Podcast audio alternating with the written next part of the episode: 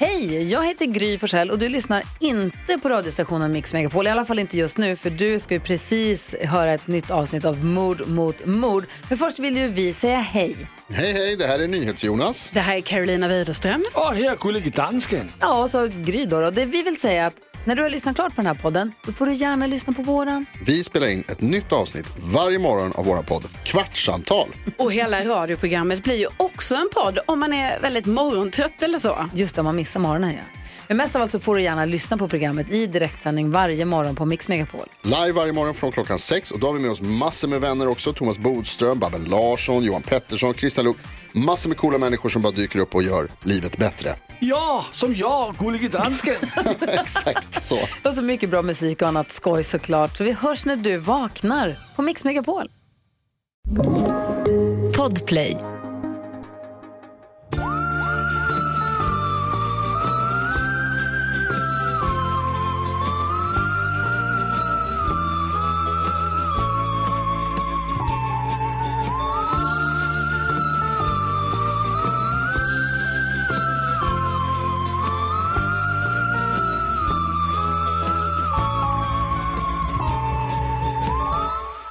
Jag är redo när du är. Ja, jag är så I jävla... have Alltså, my manuscript ready for you. ja, jag är så redo. Jag är så jävla Det redo. är idag. lite bebishicka här. Åh. Nej, Anna. Här sitter du, första poddavsnittet som tvåbarnsmor. Det är helt sjukt. Live on tape, he- barn, bebishicka. Alltså, som jag tänker har vi alltså Ja. börjat spela in nu, bara så du vet. Okej, Så då har vi lite schysst ljudmatta här med babyhick som slutar. Jag- det, var, gud, det var precis som när man själv var hicka. Ah. Att när någon säger hicka igen så slutar man. Nej, men, Bra, alltså, vet du vad? Jag tror bara att det är så att din son har en sån enorm respekt för din poddkarriär. Något som, om jag får säga det själv, din dotter aldrig har haft. alltså verkligen. Tänk att det krävs en son. För att stötta en mor. ja, nej, Anna han, är, han är underbar. Han är här, han är här. Han är här. Och vet du vad som gläder mig mycket också? Han var så sjukt punktlig. Ah, nej, det var han verkligen. Och snabb. Han så måste vara snabb. mitt barn. Det måste vara mitt barn. Vad vill, du, eh, vad vill du berätta för lyssnarna om din son? Eh, han, Vill du berätta vad han heter? Eh, kom, han heter Ian. Han heter Ian. Har han några mellannamn? Ja, han heter Ian Rolf Thomas. Din pappa, pappa Mm, Rolf. efter min pappa och eh, så har det är typ så. Eh, Thomas är sånt eh, som alla män i Oscars familj heter. Så Ah. det blev liksom lite hedra, för, Kom- hedra familjerna. Hur kommer du känna om jag börjar kalla honom för Roffe? Eh, alltså jag älskar min pappa högt, verkligen. Men Ja, jag tycker... så och, nej, nu, svaret är heter ju nej. vårt, nu heter vårt barn Rolf också. Men jag, jag, jag tycker inte att... Jag vill helst inte att han ska liksom bli kallad för Rolf eller Roffe. Vill att vi ska be Pelle att eh, bipa alla gånger du har sagt vad han heter i mellannamn? Kanske. Jag vill inte att det ska uppnå några missförstånd. Han Ehm, heter Starkt men- Ian. Exakt. Bra. Nej, men han heter Ian och han är jättegullig och, eh, och han är jättemysig och bara är superchill fortfarande. Han är ju bara två veckor drygt. Han är bara två Ehm, veckor. Och det känns som att det var en evighet sedan han kom och det känns som att det var en sekund sedan. Mm. Så det är väl precis så som det är när man får barn, tänker jag. Ja, Att det känns som att de verkligen. har varit med alltid. Och så är det också som att man bara, eh, hej, Alltid funnits och typ brand new, ja. Precis, verkligen. Exakt. Och hur mår du? Ehm, jag mår bra, faktiskt. Jag tycker att ehm, det är uh, ju en omställning att få till barn. Men det, han har varit väldigt eh, chill, måste jag säga. Ah, Så att, ehm, det har funnits tid för återhämtning. Jag har inte gjort så mycket de här två veckorna sedan han kom. Och det är väldigt mysigt för att Sigrid är så himla gosig eh, stora syster. Det är faktiskt väldigt fint. det är så gulligt att hon Men är jag känner mig- stora syster. Ah, nej, och att hon kallar honom för lillebrorsa. Hej lillebrorsa. det är skitgulligt faktiskt. Ehm, men det är, I'm not gonna lie, det är fan, eh, Det är fullt upp. det är fan, det är fan utmanande också. Men mest mysigt. Men man känner sig ju som att man är väldigt vuxen när man är så här, en familj på fyra, Ah. två barn, två vuxna. Ah, Eh, alltså, så det drabbas jag av verkligen. lite. Du vet, så att jag bara, shit vad fan vad sjukt det här är att jag är fan tvåbarnsmorsa. Alltså Det det, låter ju som ett starkt. skämt. Det låter som ett skämt. Och han är ju, eh, det har man ju hört lite då kanske, att han är ju eh, med lite grann just nu. Han är med oss i detta nu. Exakt. Så om man hör lite sådana mysiga bebisljud i bakgrunden så eh, är det inte Oscar eh, som har gått i eh, barndom sen han blev tvåbarnsfarsa då, utan det är Ian. Det är Ian. Eh, precis. Och, eh, Oscar jag ligger tror längst ner vid sängen och kräks och hickar. och gör såna där, försöker bara göra så gulliga ljud. Det är inte gulligt Oscar, det är konstigt. Det är faktiskt outsider-konstigt. Det är verkligen riktigt, riktigt konstigt. Det finns väl rykten om att det om att, eh, vad heter han nu då, den brittiska kungen som abdik, eh, abdikerade. Som var ihop med hon. Wallace, eller vad hon heter. Han som, eh, som gjorde att eh, gamla drottningens pappa blev kung. Jag minns inte vad han heter, skitsamma. Att han ville bli runtkörd i en eh, bandvagn. Fan vad, alltså det, det känns typ inte helt otippat, eller? Nej, jag tänker att när man jag vet är... inte, jag vet inte ens Nej. om du syftar på och ändå så tänker jag bara att det känns tippat. Ja, men du vet, vet han som jag syftar på, han som är, Ja, alltså han jag blir ihop med en amerikanska The och de flyttar till Ja, ja, Frankrike, ja. typ. ja.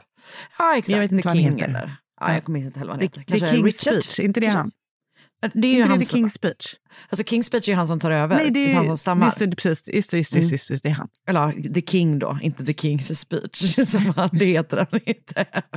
Okej, vi kan inte så mycket om eh, brittiska kungahuset. Men jag kunde, ändå, jag kunde uppenbarligen de viktiga detaljerna som är att han ville bli runtkörd i en barnvagn. Ja, nej, och när jag sa vi så menar jag självklart ja, för du kunde ju mycket, mycket mer än jag.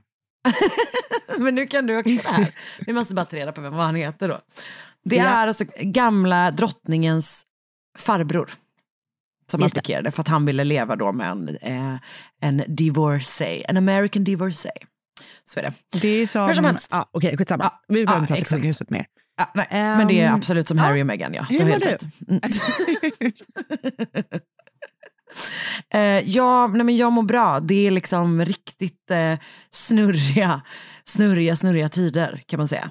Ja. Eh, men det känns tryggt att vi får in, att vi är inne i poddrutinen igen. Eh, den är som det en, känns liksom, mysigt.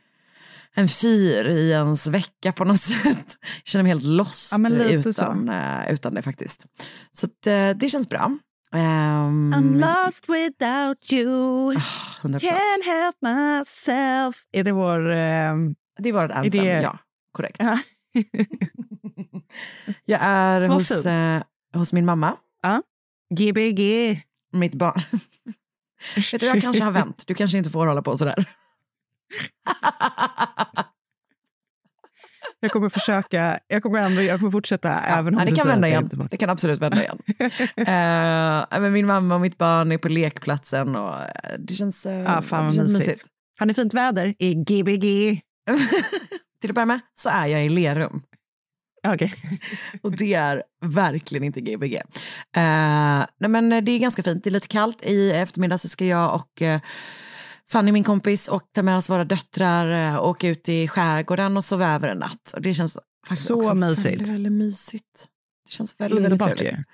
Så det, känns, eh, det känns toppen. Men däremot ska jag säga att det jag inte har gjort under vår lilla uh, hiatus, nu när vi har haft förinspelade avsnitt, är att jag typ inte, alltså jag kan inte minnas att jag har kollat på eller lyssnat på något som haft med liksom, crime att göra. Nej. Alltså överhuvudtaget.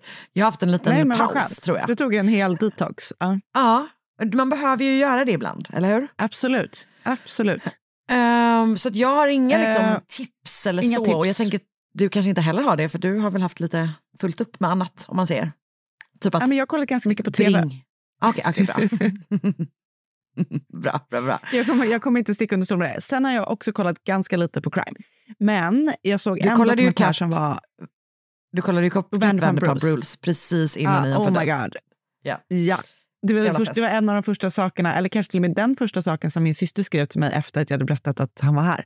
Tur Ah. att du hann kolla på, på färdigt på VP. Ja, ja, det var och så rätt hon hade, för det var ju väldigt Ja. skönt. Eh, nej men jag kollade häromkvällen på en eh, dokumentär på SVT Play som heter Gamingmorden. Som var Okej. eh, två, i två delar. Som var så hemsk faktiskt. För det, mm, det handlar då...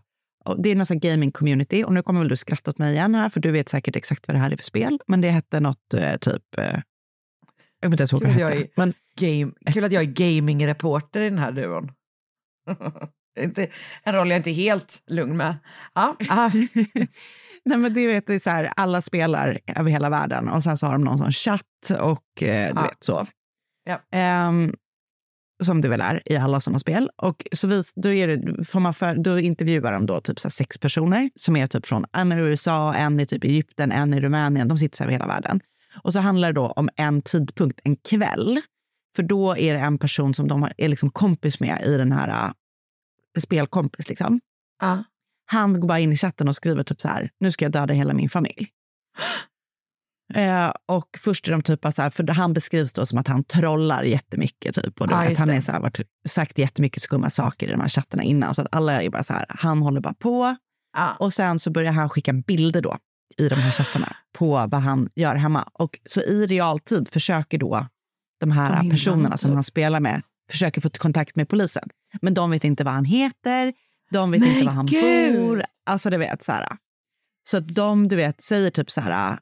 Eh, han, vet, de är typ så här, han skickar bilder och skriver så snart kommer min syster hem. Och då vet de bara, shit vi har en timme på oss innan systern kommer hem. Alltså den var så hemsk och bra. Eller spännande liksom. Oj, Eh, vad sa så du, SVT? den, eh, SVT Play, precis. Mm. Eh, Gamingmorden. bra tips. Jättebra tips. Ja. Nej, alltså min enda liksom, stora tv-upplevelse det senaste utöver då uh, Vanderpump Rules förstås, eh, Ja. det är ju bara eh, Succession. Ah, gud, alltså, det här är helt sjukt. Vi slutade ju titta på Succession.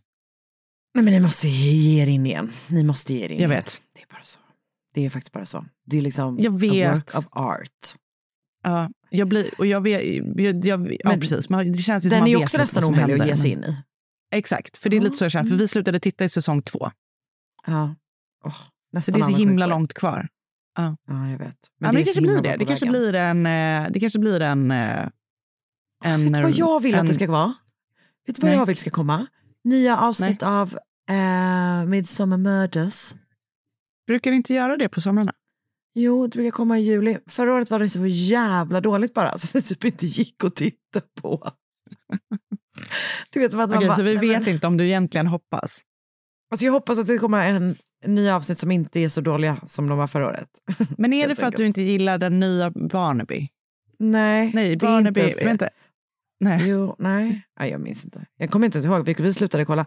Nej, det är för att det liksom är för, det är för dåligt. Det är för dåligt Ja, jag helt fattar. enkelt. Jag fattar, jag fattar. Jag fattar. Eh, Så det hoppas jag på att det kommer så att man kan gå in i en sån eh, Murder-värld. Ja, liksom. Men det är, precis, det är ju bra sommar-tv. det är ju fan svinbra sommar-tv. Ah, Mm. Nu är det så jävla nära sommar du. Vet du vad som också är bra sommar, uppladdning för sommaren? Nej. Mord, mord, mord. Ska vi podda? en av ska, de bästa. Ska vi, berätta? ska vi podda med varandra? Ska vi podda med varandra du och jag? Ja det ska Det är vi. mord mot mord, sommardänga. Och ni får höra mer Efter pausen, va? efter pausen. Okej, ska vi sätta igång? Ja det tycker jag absolut. Ett poddtips från Podplay. I fallen jag aldrig glömmer djupdyker Hasse Aro i arbetet bakom några av Sveriges mest uppseendeväckande brottsutredningar. Går vi in med hemlig telefonavlyssning och, och då upplever vi att vi får en total förändring av hans beteende. Vad är det som händer nu? Vem är det som läcker? Och så säger han att jag är kriminell, jag har varit kriminell i hela mitt liv men att mörda ett barn, där går min gräns. Nya säsongen av Fallen jag aldrig glömmer på Podplay.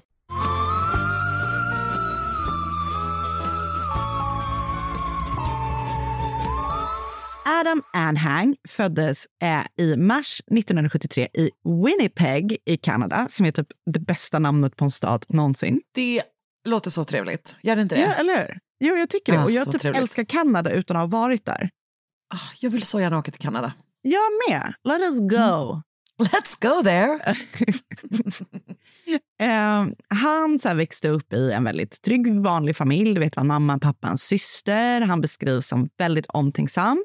Eh, han älskade att hjälpa personer från tidig ålder med stora och små saker. Typ inte alla, måste jag ändå säga.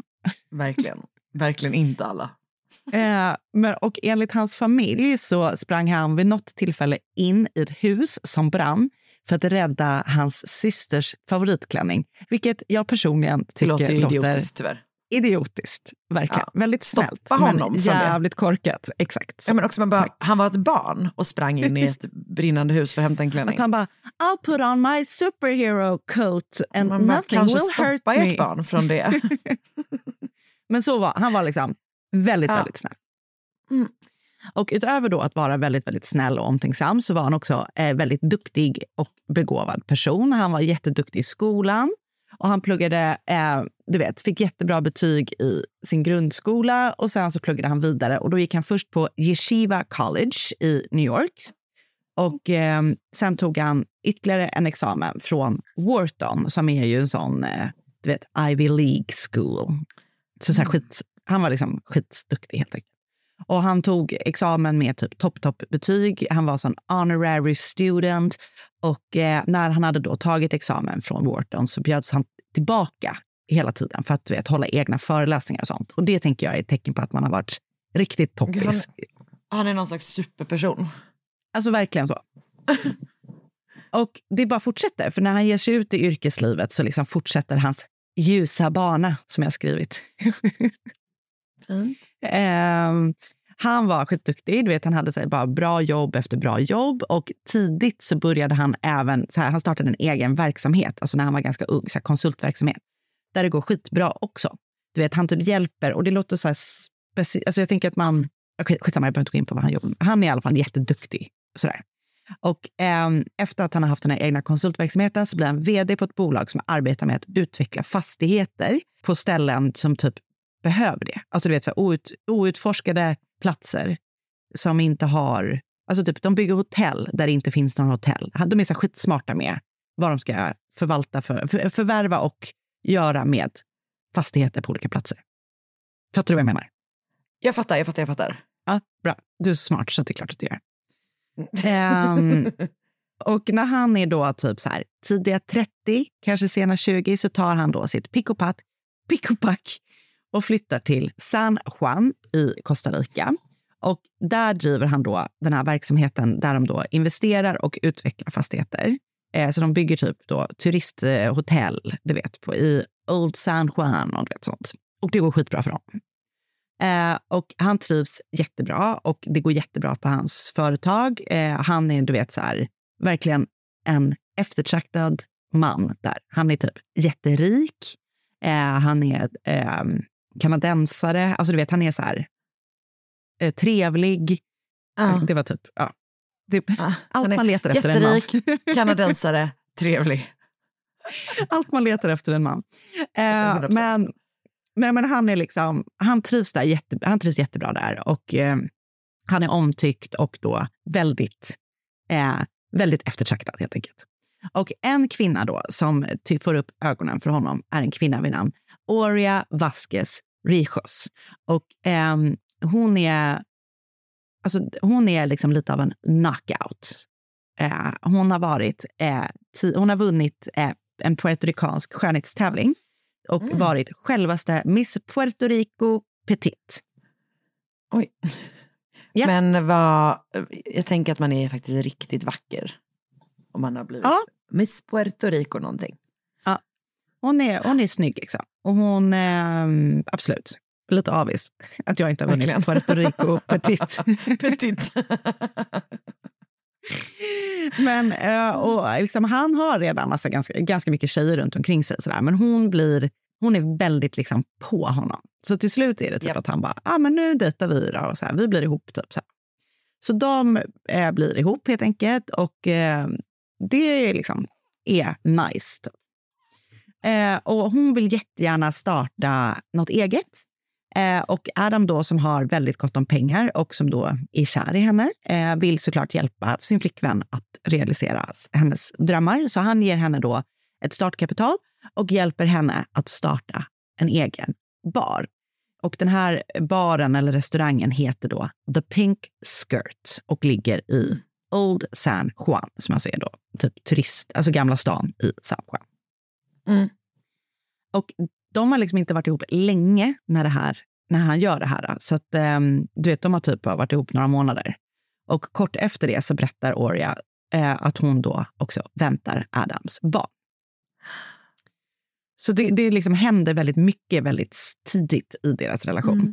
Och eh, hon är, eh, Adam är eh, jude och hon är katolik, men han bekänner typ så, för hennes skull, och hon är väldigt troende, eller hela hennes familj är liksom väldigt troende katolik, så att, att hon då ska få barn utomäktenskapligt är inte eh, särskilt bra, eller vad man ska säga. Nej, precis.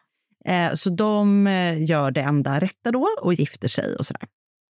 Och innan de gifter sig så gör de upp ett, alltså de skriver ett ordentligt eh, äktenskapsförord. För att Adam är jätterik. Han har en förmögenhet på 24 miljoner dollar.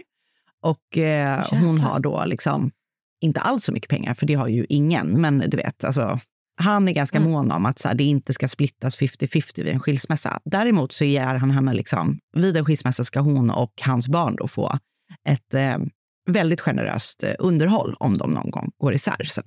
Mm. Eh, men han, du vet, rätt ska vara rätt. Typ så. Och när de väl har gift sig så är det skiftare i deras relation. Eh, Orias mamma och andra släktingar flyttar in i hennes och Adams hus och han känner du vet, direkt på att det är, så här, det är en bad vibe hemma hos dem. Eh, de typ pratar spanska hemma, han förstår inte spanska. Eh, och ehm, han förstår typ att de pratar om honom när han kliver in i ett rum. För du vet, de typ så här tystnar och skrattar typ när han kommer in. Och så här, han känner sig alltså, du vet, Som så på högstadiet. olustig. Ja, och för att ha så i sitt egna hem. Nej, stress. Ehm, så han liksom berättar för sin familj och sina kompisar att så här, jag känner mig sjukt olustig liksom, på grund Ah. av det här. Och det låter ju som den värsta mardrömmen tycker jag. Ehm, men sen så händer det någonting som får Adam att känna, nej, det här funkar bara inte.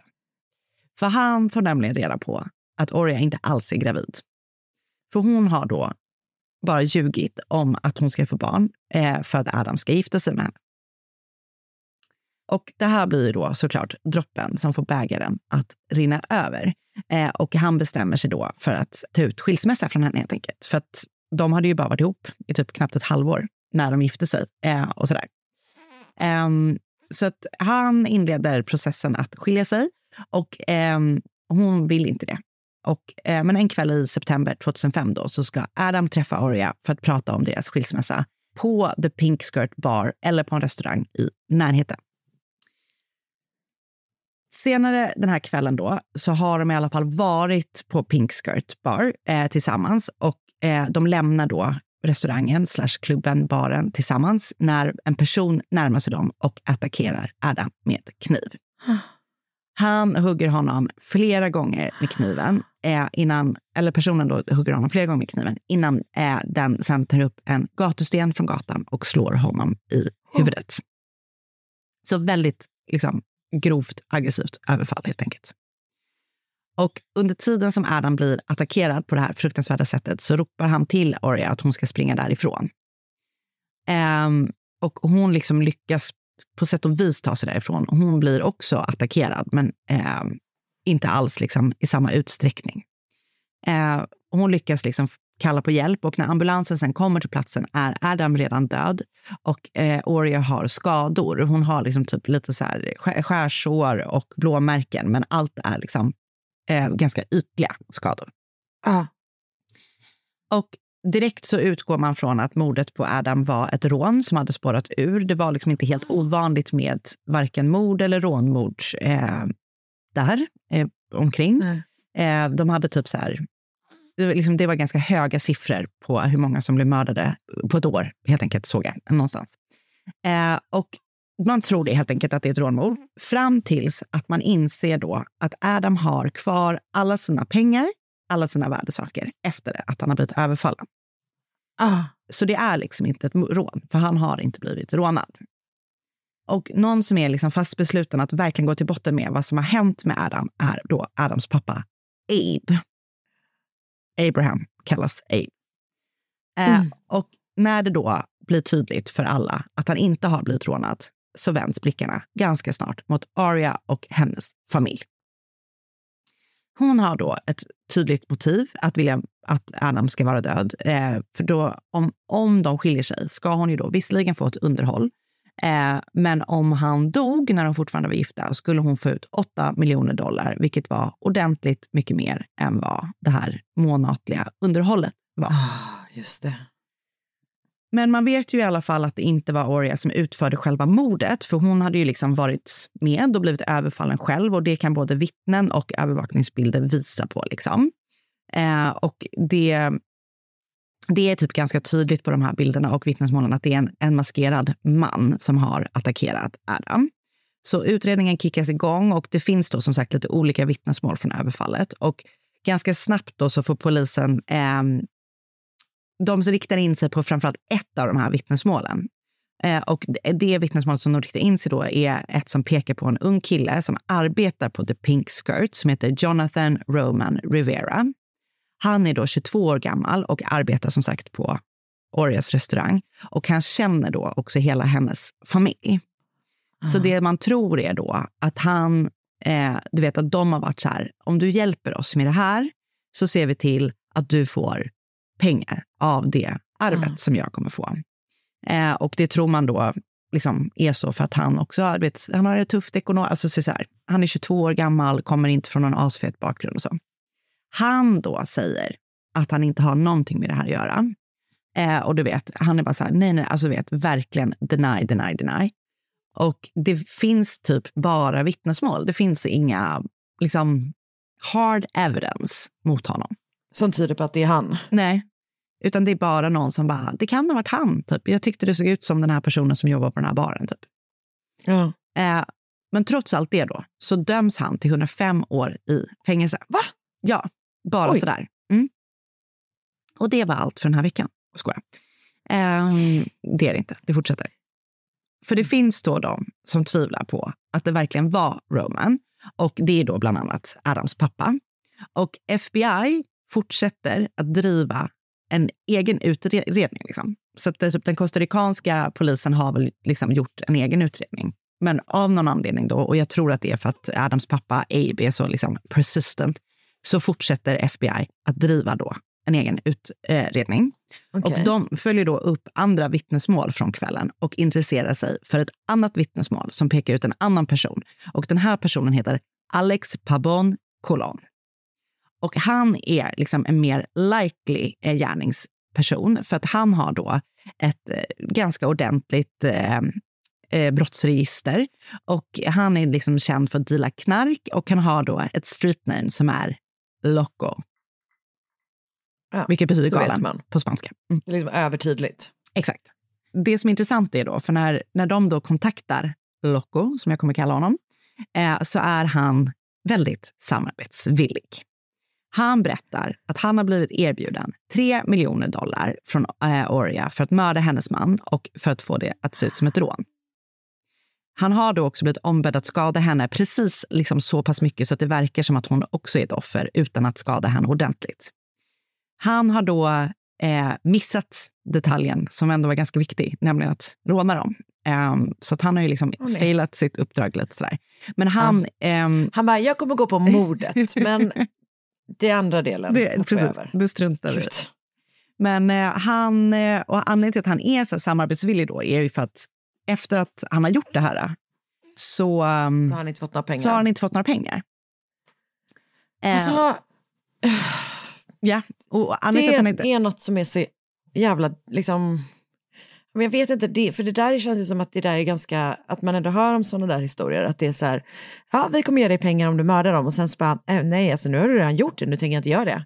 Bara, fast de har ju fortfarande lite leverage om man säger så. Fast Alltså, jag antar i verkligen. att man tänker att, jag antar för att man tänker så här, han kommer inte vilja gå till polisen för att då kommer han ju sätta dit sig själv med, Exakt.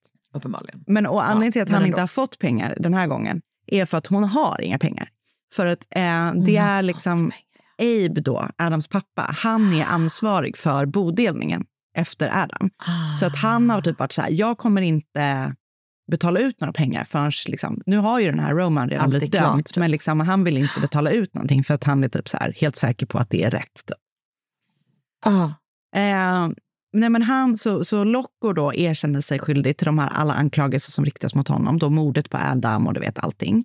Eh, och, eh, de, och Roman då, som dömdes till 105 år, han får såklart upprättelse och blir eh, friad och allting och stämmer sen då myndigheterna på 12 miljoner dollar för felaktigt eh, dömande. Så, så Ja. klappat och klart tänker man liksom nu. Nu har Locko erkänt. Han har berättat att det var Oria som beställde mordet. Det är ju bara att åka och gripa henne, tänker man. Men riktigt så enkelt är det inte. Prosit! var det så spännande så att du... Ja, det var faktiskt det. Eh, för eh, när Locko till slut åker fast så har det gått typ tre år sedan mordet på Adam. Och under de här tre åren så har Oria hunnit lämna landet. Hon har flyttat till Italien. Och det fina med Italien för Oria, förutom att det är god mat, är eh, att de lämnar inte ut personer som har italienska, som har fött italienska medborgare. Vilket Oria har lyckats säkra sig under tiden hon var i Italien. Hon har tillsammans med en italiensk man fått tvillingar. Så att hon är liksom helt trygg i Italien. Oj. För att hon är nu mamma till två italienare. Och det är någonting med också typ att så här, eh, Italien vill inte lämna ut personer till länder där de riskerar att möta dödsstraff. Men det liksom är de här två delarna. Ah. Eh, så att hon är, hon är helt safe i Italien. De, hon, hon kan liksom inte bli utlämnad. Men efter att liksom... Ja, hon håller på där och fifflar i Italien. helt enkelt. Hon har bland annat eh, försökt förfalska papper som ska visa då att hon och hennes döttrar är eh, judinnor i ett försök att emigrera till Israel. Och du vet, hon försöker göra typ allt för att komma så, så långt bort som möjligt från eh, eh, Costa Rica. Alltså hon har verkligen forskat på olika länders liksom, lagar. Ja, exakt så. Men det här det, det funkar inte för henne. Att få, hon får inte, det, liksom, det, här, det går inte igenom, det där emig- emigreringen till Israel. Så hon är liksom kvar i Italien. Och, det är ju lugnt, liksom, för att då, hon är safe där. Och hon Ja. jobbar i eh, Italien och hon sysselsätter sig då med att arrangera utflykter och guidade turer för turister. Och hon har då pinpointat sig särskilt på judiska turister på en turistbyrå som hennes bror har startat som heter Glatt Kosher Travelers Incorporated. Och jag vet faktiskt inte om Men- hon liksom bara när en dröm om att vara judinna eller varför liksom hon verkligen så här... För jag menar, han var, han var jude, men hon var väl inte judinna? Nej, hon, Nej. Var katol- hon har ju katolsk hon bakgrund. kan, exakt. Så jag vet faktiskt inte varför hon gör så. Men det gör hon i alla fall. Nej. Ehm, Ja. Och FBI ser sin chans att komma åt Oria genom den här turistbyrån. Eh, för de då börjar smida planer och bestämmer sig för att låtsas vara en grupp eh, judiska turister som vill att Glatt Kosher Travelers Incorporated ska visa dem Madrid. Så, Aha, så de ska byta sig- land? Ja. Så de hör av sig Smart. till Glatt Kosher Travelers Incorporated och eh, frågar om de kan tänka sig att låta en av deras guider åka till Madrid istället. Och de går i fällan. I juni 2013 åker Oria till, eh, från Italien till Madrid och när hon landar eh, på flygplatsen så väntar den spanska polisen redo att gripa henne. Och ehm, det gör de då för att i Spanien så har de eh, helt andra utlämningsregler. Ja. Men allt, allt för liksom pappersarbete kommer ju ta några månader så att hon får sitta typ i ett häkte eller ett fängelse i Spanien och vänta på att bli utlämnad. Men så händer Mm. någonting i det här fängelset i Spanien. Vill du gissa vad som händer? Nej, typ inte. Nej. Jag hatar ju att gissa. jag vet. Jag vill att du ska göra det. Men hon blir gravid igen Nej. Med Va? en Med inmate, vem? annan inmate. Nej, precis. Det är väldigt speciellt. Det här Ah, verkar vara slags mix. det är ett unisex ehm, fängelse helt enkelt. Ja. Men, men det är Okej. oklart. Och typ- vad händer om man föder en spansk medborgare nu då? Nej, men för det är det. Hon försöker då ordna samma deal, att hon som mamma till ett spanskt barn inte ska kunna utlämnas. Men det går inte de spanska myndigheterna med på. Spanjorerna bara fuck you. Hon får vara kvar i fängelset eh, fram tills hon har fött barnet. Men så fort hon Ja. har fött barnet då, i september, eh, nej okej precis, hon får vara kvar då. I september 2015, så det här är alltså två år efter hon har gripits, tio år efter att Adam har mördats, så får hon återvända till Costa Rica. Men vet vi om att det, är, att det var hennes plan att bli gravid? Är det liksom klarlagt eller är det mer att man, är så här, man typ tror, det finns sådana teorier? Liksom? Det finns såna teorier. Alltså hon har inte Ah, sagt liksom själv, men eh, Nej. men- och det men- funkade inte heller så i, eh, nej. i Spanien på Nej. samma sätt. Liksom. Exakt. Eh, men så 2015 kom hon tillbaka till Costa Rica där hon ställs inför rätta för eh, liksom, anstiftan till Adams mord. Eh, hennes rättegång inleddes först tre år senare, alltså i augusti 2018 och då har det gått 13 år efter att Adam Aj, mördades. Det är så sjukt. Eh, och det är inte bara Oria som ställs inför rätta, utan det är också hennes syster Marcia och Marcias före detta pojkvän José Ferrer Sosa. Eh, och de ställs då inför rätta för att de också varit med och planerat dådet. Eh, och under rättegången så läggs det fram, alltså dels så är det ju Lockos vittnesmål såklart. Eh, det läggs också fram diverse bevis, bland annat brev eller mejl eller du vet, någon korrespondens som har skickats från Locco till Oria där han kräver pengarna som han har lovat stå för att mörda Adam. Och även svar på den här, i den här korrespondensen som har skrivits av Marcia där hon då skriver att de inte har tillgång till pengarna än, då eftersom bodelningen inte ehm, eh, görs helt enkelt. Inte gått igenom liksom. Ah. Och eh, alla tre då döms för mordet på Adam och avtjänar idag livstidsfängelse. Och eh, Orias italienska tvillingar, alltså de som hon födde när hon bodde i Italien, bor med sin pappa i Italien som han lämnade ju då Oria när han förstod att hon var på flykt från rättvisan. Han tilldelades ensamvårdnad av de här två barnen. Eh, Och hennes barnet- spanska barn. Ja, barnet som hon födde då i Spanien fick följa med tillbaka till Costa Rica där det barnet placerades i fosterhem. Och var det barnet befinner sig idag vet jag tyvärr inte. Stackars hennes barn. Ja, nej, men så sorgligt. Och, ehm, Och då hon hade ett barn med honom med. nej, hon var ju inte gravid. Nej, hon var ju Nu pruttade mitt barn. Jag undrar om det hördes in i mikrofonen. Det hördes inte i, i mig i alla fall. Okej. Men gud. Nej, men det är så... Det är så sorgligt. Ja. Det är så sorgligt för de här stackars barnen. Och det är, alltså, jag tänker på Adams familj som liksom var just Ja. ett så här, Ehm, men de är i alla fall glada liksom, att de till slut fick upprättelse, även om du tog, eller att Adam till slut fick, liksom, att de lyckades döma en person, rätt person helt enkelt. Ja, Eh, även om det tog ja, men, så lång tid. så lång tid, typ 14 år. Så det Ah, var gud. mordet på Adam Anhang. Mm. Och jag har Uff. lyssnat på ett avsnitt av Dateline som heter The Pink Skirt Plot. Jag har också lyssnat på ett avsnitt av Crimes and Closets och det avsnittet heter Adam Anhang. Jag läste en artikel i Washington Post som heter The Police said millionaire's murder was a robbery. The truth led to an international hunt for the Black Widow. Skriven av Kyle Svensson.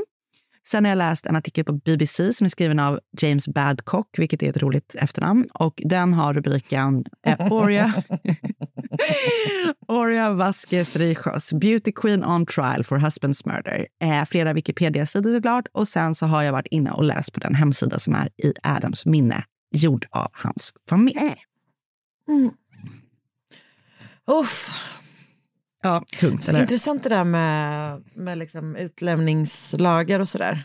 Det är så Jag läste, speciellt jag tycker läste ju jag. den här, eh, den här eh, När ingen lyssnar, uh, Diamant Salios nya bok. Ja, ja, ja, just det. Och där är det ju, där så pratar de om att om man investerar, typ Ja. så här, köper en dyr lägenhet eller så här i Turkiet så får man typ medlemskap där och då blir man typ inte Medborgarskap. utlämnad.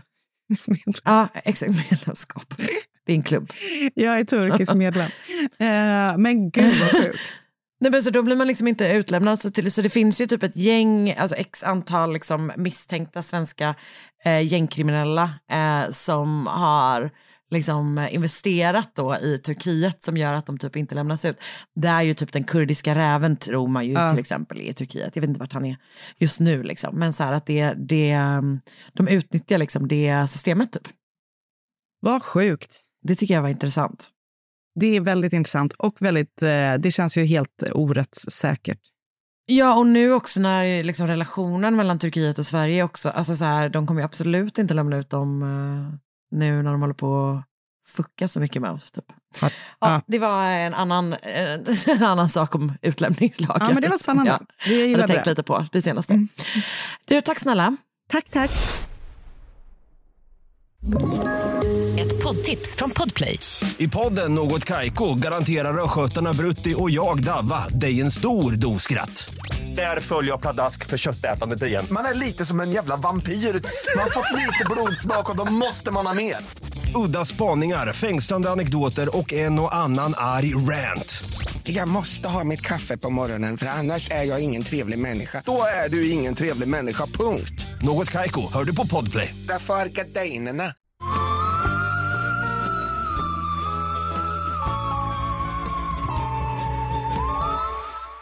Okej Anna, är du beredd?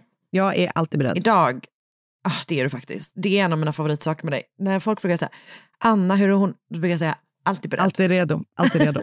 Alltid redo. Eh, vi ska till Tyskland 1984. Okej. Känns inte som en toppen tid i Nej, Tyskland. faktiskt. kne, knepig tid. Nej. Ja, verkligen. Det får man lov att säga. Eh, där en då 34 år gammal man som heter Günther Stoll. Han hade liksom börjat bete sig lite märkligt. Günther hade börjat, liksom, han hade blivit allt mer paranoid. Han pratade om att han var rädd för någon eller några som han sa var ute efter honom. Och han var då gift, jag hittar tyvärr inte namnet på hans fru och de hade tillsammans då eh, en dotter och bodde i byn Anschausen, det ligger en dryg timme öster om Köln. Mm. Och alltså, allt oftare under det här året så fick hans fru då höra Günther, pra, liksom hans utläggningar om om de här människorna då som var ute efter honom, om vilka de var, framgick dock aldrig riktigt. Eller som jag det stod i någon källa, att hon aldrig frågade. Det vet jag inte om det var sant, men det var så roligt Det är formulerat. Man bara, det är verkligen married life i en typ sån sitcom, att man aldrig liksom ens förhör sig. Jag vet inte om det var så. Men ehm, hur som helst så var liksom det här, det här tog större och större typ utrymme i hans liksom, tankar och i vad han pratade om och sådär. Mm. Och Günther hade arbetat inom livsmedelsbranschen. I tyskspråkiga källor är hans yrkesroll Lebensmitteltekniker.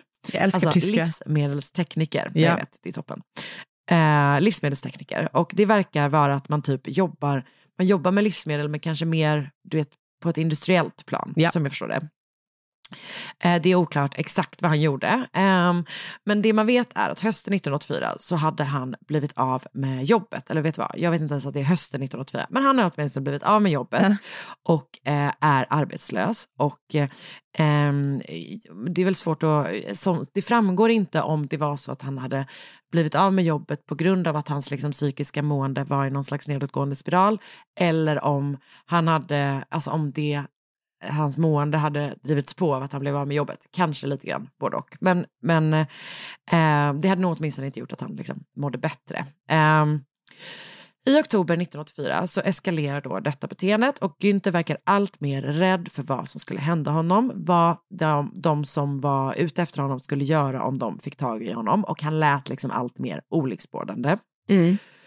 Kvällen torsdagen den 25 oktober äter paret Stoll middag tillsammans när Günther som vanligt pratar på om dem som är ute efter honom och mellan 10 och 11 någon gång på kvällen så sitter Günther i sin vanliga fåtölj i, vardagsrummet när han plötsligt utbrister Jetzt geht mir ein Laucht auf. Alltså direkt översatt typ nu ser jag ljuset men typ mer kanske så nu har jag det. Alltså den typen av liksom. ja. Så här, nu kom jag på det. lite så. Ja, men lite så. Och sen ställer han sig upp och så går han ut i köket. Där tar han en bit papper. På pappret, och, och liksom en penna. Och på pappret så skriver han eh, JOG-C, eller alltså Y-O-G, liksom Mhm. en em, typ eh, accent, TZE eller YO6 Okej. accent TZE. Det är svårt att avgöra om det är ett G eller en sexa. Okay. Sen stryker han liksom snabbt över det han har skrivit. Han säger till sin fru att han ska gå till sin favoritpub och sen så lämnar han familjens hem.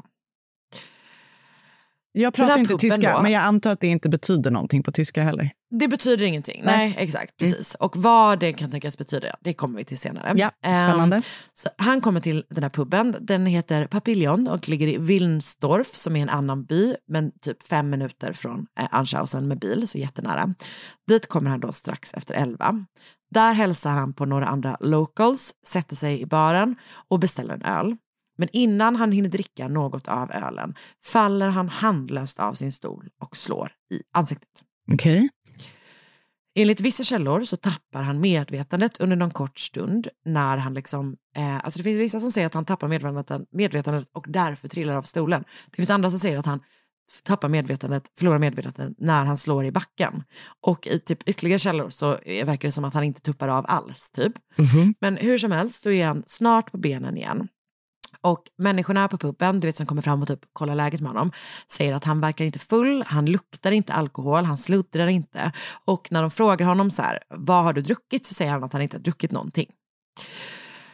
Och han kommer då heller aldrig dricka av den här ölen han har beställt. För en eh, mycket kort stund efter att han kommit till puben så lämnar han igen. Och då hör de honom liksom så här, sätta sig i sin bil ut på parkeringen och eh, köra därifrån. Och sen vet ingen vad som händer, eh, händer honom i drygt två timmars tid. Vid ett-tiden på natten, Mm. ah, jag vet, Mm. Vid ett-tiden på natten så ringer det på dörren hemma hos en gammal kvinna i byn ha Heigersilbach. Mhm. Eh, den här byn dryg, ligger drygt 10 minuter med bil från byn där puben ligger. Och det är ju så sent typ så att hon vaknar av liksom, att klockan ringer men hon öppnar inte dörren eh, utan hon tittar ut genom ett fönster istället. Och där ser hon då Günther stå utanför huset. Hon känner honom sedan han var liten, för han är uppvuxen i Heigersilbach och hans mamma som fortfarande är i livet, jag tror att hans pappa bodde där fram till sin död också, död också, men eh, hon bor liksom kvar i den här byn och det gör också typ något eller några av hans syskon, så de bor liksom i närheten. Men istället så har han då åkt hem till den här kvinnan som han har känt sedan han var liten då. Och hon pratar med honom genom fönstret och han typ beter sig liksom konstigt. Han säger att han vill komma in men hon eh, låter honom inte utan hon säger så här, du, kan, du borde åka till din mamma istället för att hon bor bara en liten bort, bit bort. Liksom. Ja. Men istället då för att, eh, men Günther säger istället att han, att han ska åka hem till Anschausen. Eh, och eh, innan han går därifrån och sätter sig i sin bil så säger han till kvinnan att det snart kommer att hända något fruktansvärt. Mhm. Gud vad obehagligt Och att någon Günther kommer, kommer och säger det när bara dyker upp. Som en Aha. sån oli, riktig liksom, Alltså, verkligen. korp kommer och kraxar typ. Och Günther kommer då aldrig hem till sin fru och sitt barn utan istället så går det ytterligare två timmar under vilka ingen vet var han är. Eh, innan man vid, tre vid tretiden på natten så får då en lastbilschaufför syn på en kraschad bil på A45 vid avfarten till Hagen Syd. Det här är typ 10 mil från Heigersilbach så det är en bra bit liksom.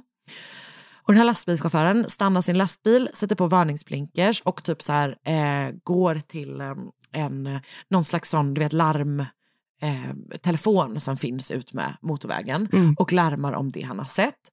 Samtidigt som han gör det så kommer ytterligare en lastbilschaufför och stannar också sin lastbil och han går då till det här vraket, liksom, det här bilvraket. Och båda de här männen tycker sig se en person i ljus jacka lämna platsen eh, innan de liksom kommer fram till bilen. Och det finns åtminstone någon av dem tycker att det ser ut som att den här personen har varit i någon slags olycka eller typ att han blöder lite från armen. Liksom. Aha. Ehm, men det är då inte Günther Stoll som de har sett, för Günther är i bilen. Han är naken och svårt skadad. Och han sitter inte på liksom, förarsätet utan han sitter på passagerarsidan. Okej. Så ehm, den ena lastbilschauffören har ju som sagt gått och liksom larmat och den andra går fram till bilen och Günther är då vid medvetande och han säger att det har varit fyra män i bilen. Det är svårt att veta, det är oklart om, det är, liksom, om han själv är inkluderad i de fyra eller om det är ytterligare fyra personer. Mm. Eh, men när han då får frågan så här, om det var hans vänner som har varit i bilen säger han att de inte var det. Sen tappar han medvetandet och eh, kommer tyvärr att dö i ambulansen på vägen till sjukhuset. Okej. Polisen börjar utreda det här märkliga, märkliga som har hänt och bestämmer sig då för att utreda det som ett möjligt mord. Och det här är riktigt konstigt. Den rättsmedicinska undersökningen visar att Günther har alltså inte dött till följd av skador som han har fått på grund av den här kraschen. Alltså bilen har kraschat, men det är inte det, det är inte därifrån han har fått de här stora, stora skadorna. Nähä. Utan han har blivit överkörd. Okej. Var han har blivit överkörd vet man inte och polisen kommer liksom aldrig att hitta den platsen där det har hänt, vilket man, ju, det, man tycker att det borde finnas Ja. liksom, tecken typ.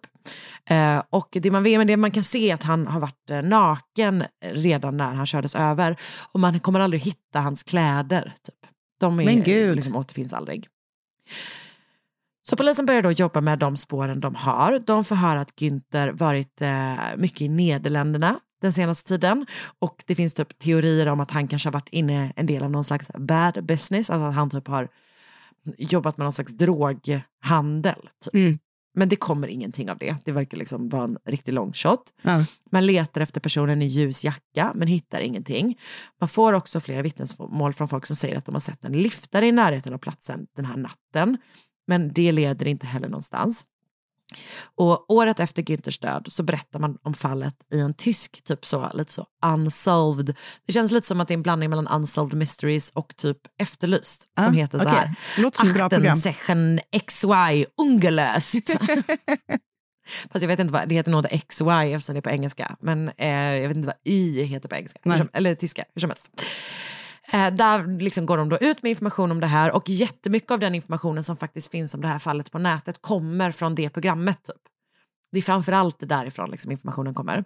Eh, och då går man då ut med eh, information där för att få nya ledtrådar. Eh, inte minst då om vad Günther gjorde under de här två timmars luckorna. Alltså mellan 23 när han åker från puben och till 01 när han kommer fram till den här gamla damen och då mellan 01 och 03. Men ingenting kommer fram. Men det heller. Som jag var liksom hintade om innan så djupdyker man då förstås också i de här bokstäverna, eller bokstäverna och siffran då, man, är, man vet inte om det är en sexa eller ett G, som Günther skrev på den här lappen innan han gick till puben. Och det här är då en del av det att hans fru har slängt lappen. Nej. Och så det som finns, och det finns bilder på lappen, det är inte den riktiga lappen utan det är hennes återskapande av vad han skrev. Liksom. Ja. Och här finns då förstås massor av teorier, inte minst från du vet, olika så, eh, privatspanare och förstås också senare webbsleuth-communityt eh, går ju loss på detta förstås. Såklart. Ehm, och det finns typ teorier om att man kan mista en, miss, eh, att man kan tro att ännu fler av bokstäverna är siffror och då kan det typ vara ett registreringsnummer på en bil. Man tänker att Günther kanske skrev ner registreringsnummer på en bil som följt efter honom och typ att det, alltså du vet så, verkar vara en väldigt, väldigt lång shot. Verkligen. Det, det kan typ inte vara, eller det kan inte vara ett tyskt registreringsnummer och det verkar inte heller som att det kan vara något, åtminstone inte något av grannländerna typ. Nej. Ehm, om man, alltså vet man, det finns så jävla många teorier om det här och folk går loss liksom. Om man tolkar det då som YO6 eh, apostrof TZE är det tydligen anropssignalen till en rumänsk eh, amatörradiostation. Okej. Det verkar inte ge Perfekt. någonting, utan det är, men det är det, men Ja. det liksom ger absolut ingenting. Om man då tolkar det som YOG apostrof TZE finns det de som läser då eh, YOG för yoghurt. Eh, och TZE är tydligen ett färgämne, tror jag, eller om det är ett smakämne, som används i just livsmedelsindustrin. Och som du minns så var ju han Ja, livsmedelstekniker. han bara, jag kom på den bästa nya smaken på yoghurt. yoghurtsmaken. Nej, men det folk har en teori om är att han typ har kommit på, han har upptäckt typ en stor hemlighet inom livsmedelsindustrin och dödats för sina upptäckter. Okej. Intressant. Det finns de som menar, och då kanske då, då säger de typ att, så här, att han betedde sig så här konstigt på baren var typ att han såg någon som hade följt efter honom, han blev livrädd, det var därför han typ trillade omkull och sen därför liksom drog direkt därifrån. Okej. Spännande. Ja. Tror du, vad tror det du? finns de som menar att Ja, men förlåt, jag okej, kan du är inte klar. Jag tror. Ja, För, att jag har, för, för vanligt, oh, det är inte helt vanligt för mig att, att komma med någon egen tanke, men jag har faktiskt en tanke här sen. Mm, mm. Den är inte så här spännande då. Om man vänder lappen upp och ner får man siffrorna 027 eh, kommatecken 906 med lite eh, god fantasi. Och eh, det leder typ ingenstans, men om man gör en sån skiffernyckel där bokstäver korre- korrelerar med siffror så finns det de som säger sig fram koordinater i Libyen. Jaha, Det ger inte heller någonting. Nej. Ehm, det finns det är en rolig teori som är att folk typ eh, tänker att det har någonting med Yatzy att göra. Att det är så här, kan det varit att han egentligen skrev Yatzy? Men gud. Men det typ heter något helt annat på tyska, att det heter typ så kniffer eller något, det heter typ något åt det hållet. Så folk bara, nej jag tror inte det, random American dude på Reddit typ. Eh, folk håller på verkligen med den här liksom, lappen. Men ingenting ger då någonting och Günther Stolls död förblir ett mysterium. Som sagt, så här, vi är ju typ inte mäster... Eh, eh, alltså teorier, våra egna teorier är ju inte det vi främst håller på med i den här podden. Eh, men jag tror, det här, är min, men här kommer min teori. Ja, hur spännande. jag tror att han har liksom haft någon slags eh, alltså, psykotisk episod. Typ. Alltså, han har mått jätte, jättedåligt typ, och det har gjort honom väldigt paranoid och fått honom att bete sig irrationellt. Det är därför han beter sig så här konstigt. Liksom. Han har varit sjuk och typ gett sig ut på vägarna i sin bil. Eh, jag tänker typ att om man är rädd eller så kanske man söker någon slags du vet, någon slags trygghet. Och då kanske det inte är så konstigt att han åkte till sin, sin eh, liksom hemby. Och Nej. sen så kanske han typ misstog, hans mamma kanske hade flytt, eller whatever typ. Alltså han kanske misstog. Eh, han åkte till ett hus där det bodde en kvinna som han visste, liksom, som, han visste, som han kände sedan han var liten. Eh, och sen därifrån så gav han sig bara ut på vägen och körde. Och sen har då något hänt. Och jag tänker att han kanske så här, han har fått liksom panik på något sätt. Du vet, så här, tagit av sig sina kläder och typ gått på motorvägen. Där har han blivit påkörd, någon har liksom råkat köra på honom och själv då kanske fått panik och typ satt honom, bestämt sig för att vara så här, "Ah, nej vi får ju fejka att det här är typ en olycka på något sätt. Liksom. Satt honom i hans bil och kört iväg med honom och kanske har han typ, du vet, fått, han kanske förlorade medvetandet när han blev överkörd, kanske fick tillbaka medvetandet och då liksom händer den här kraschen. Och när lastbilschaufförerna kommer så är det typ inte att eh, den personen som har kört på honom har liksom inte tid att flytta honom till eh, förarsätet. Nej. Så därför är han kvar i liksom passagerarsidan. För annars skulle det ju kunna sett ut som eh, ännu mer som en olycka om han bara hade Förutom att suttit han på förarsätet. Jo men han, alltså han, så här, om han var liksom, nej abs- alltså, absolut. Men det hade ändå varit mer liksom, Absolut. mer Nej, troligt. Typ. Mm. Ja. Och då tänker jag att så här, vi vet ju inte, då har man ju ingen aning om, då skulle ju den här kraschen kunna skett var som helst. Eh, mellan ja. Haiger Silbach, eller vad det hette, och eh, där han hittades. Så det är ju ett väldigt stort område liksom. Vad Så jag sjukt. tänker att det är en olycka och en person som har fått liksom, panik och bestämt sig för att försöka få det, att se ut som, eh, alltså få det att se ut som en, en egen en, enbilsolycka, eller vad Ja. man ska säga. Eh, men liksom blivit påkommen av de här lastbilschaufförerna och typ dragit därifrån. Det tror jag också. Återigen, jag vet inte om det är så, eh, helt enkelt. Men jag tycker att det låter troligare Jag än med. att han har upptäckt en liksom, konspiration, en yoghurtkonspiration. För några år sedan kom nyheten om att polisen kollade på hur man skulle kunna använda DNA i Jogtse-fallet, som det kallas.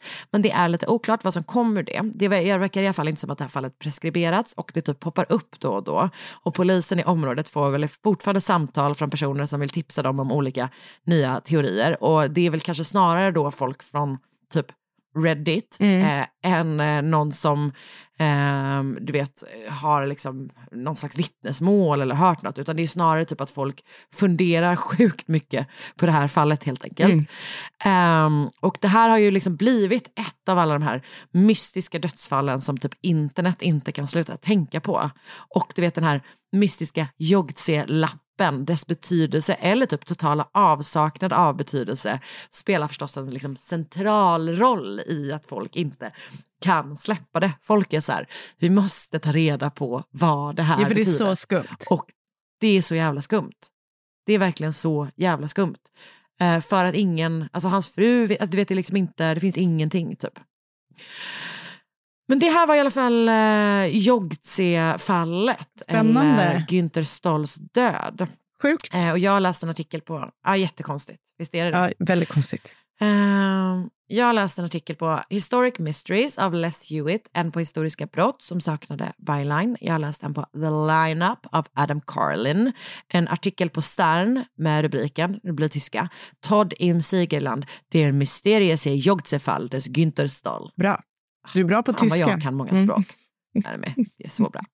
På, och sen så har jag läst på tyska och på engelska Wikipedia samt förstås också då på Reddits Unsolved Mysteries forum som har en del bra sammanfattningar av såväl fallets fakta som de teorier som finns. Tack Karin. Tack ska du ha. Det var det vi hade att bjuda på den här veckan. Det var inte så lite. Eller? Det tycker jag verkligen inte att det var. Eller? Eller? Vi hörs igen om en vecka. Eh. Nu är vi back on track people. Nu är vi back on track. Och Ian finns i världen och det gör oss eh, så varma i hjärtat. Mm, mysigt, verkligen. Mm. Vi hörs. Vi hörs eh, nästa vecka. Hej. Hej då! Podplay. Poddtips från Podplay. I podden Något Kaiko garanterar östgötarna Brutti och jag, Davva, dig en stor dos skratt. Där följer jag pladask för köttätandet igen. Man är lite som en jävla vampyr. Man har fått lite blodsmak och då måste man ha mer. Udda spaningar, fängslande anekdoter och en och annan arg rant. Jag måste ha mitt kaffe på morgonen för annars är jag ingen trevlig människa. Då är du ingen trevlig människa, punkt. Något Kaiko, hör du på Podplay. Därför är gardinerna.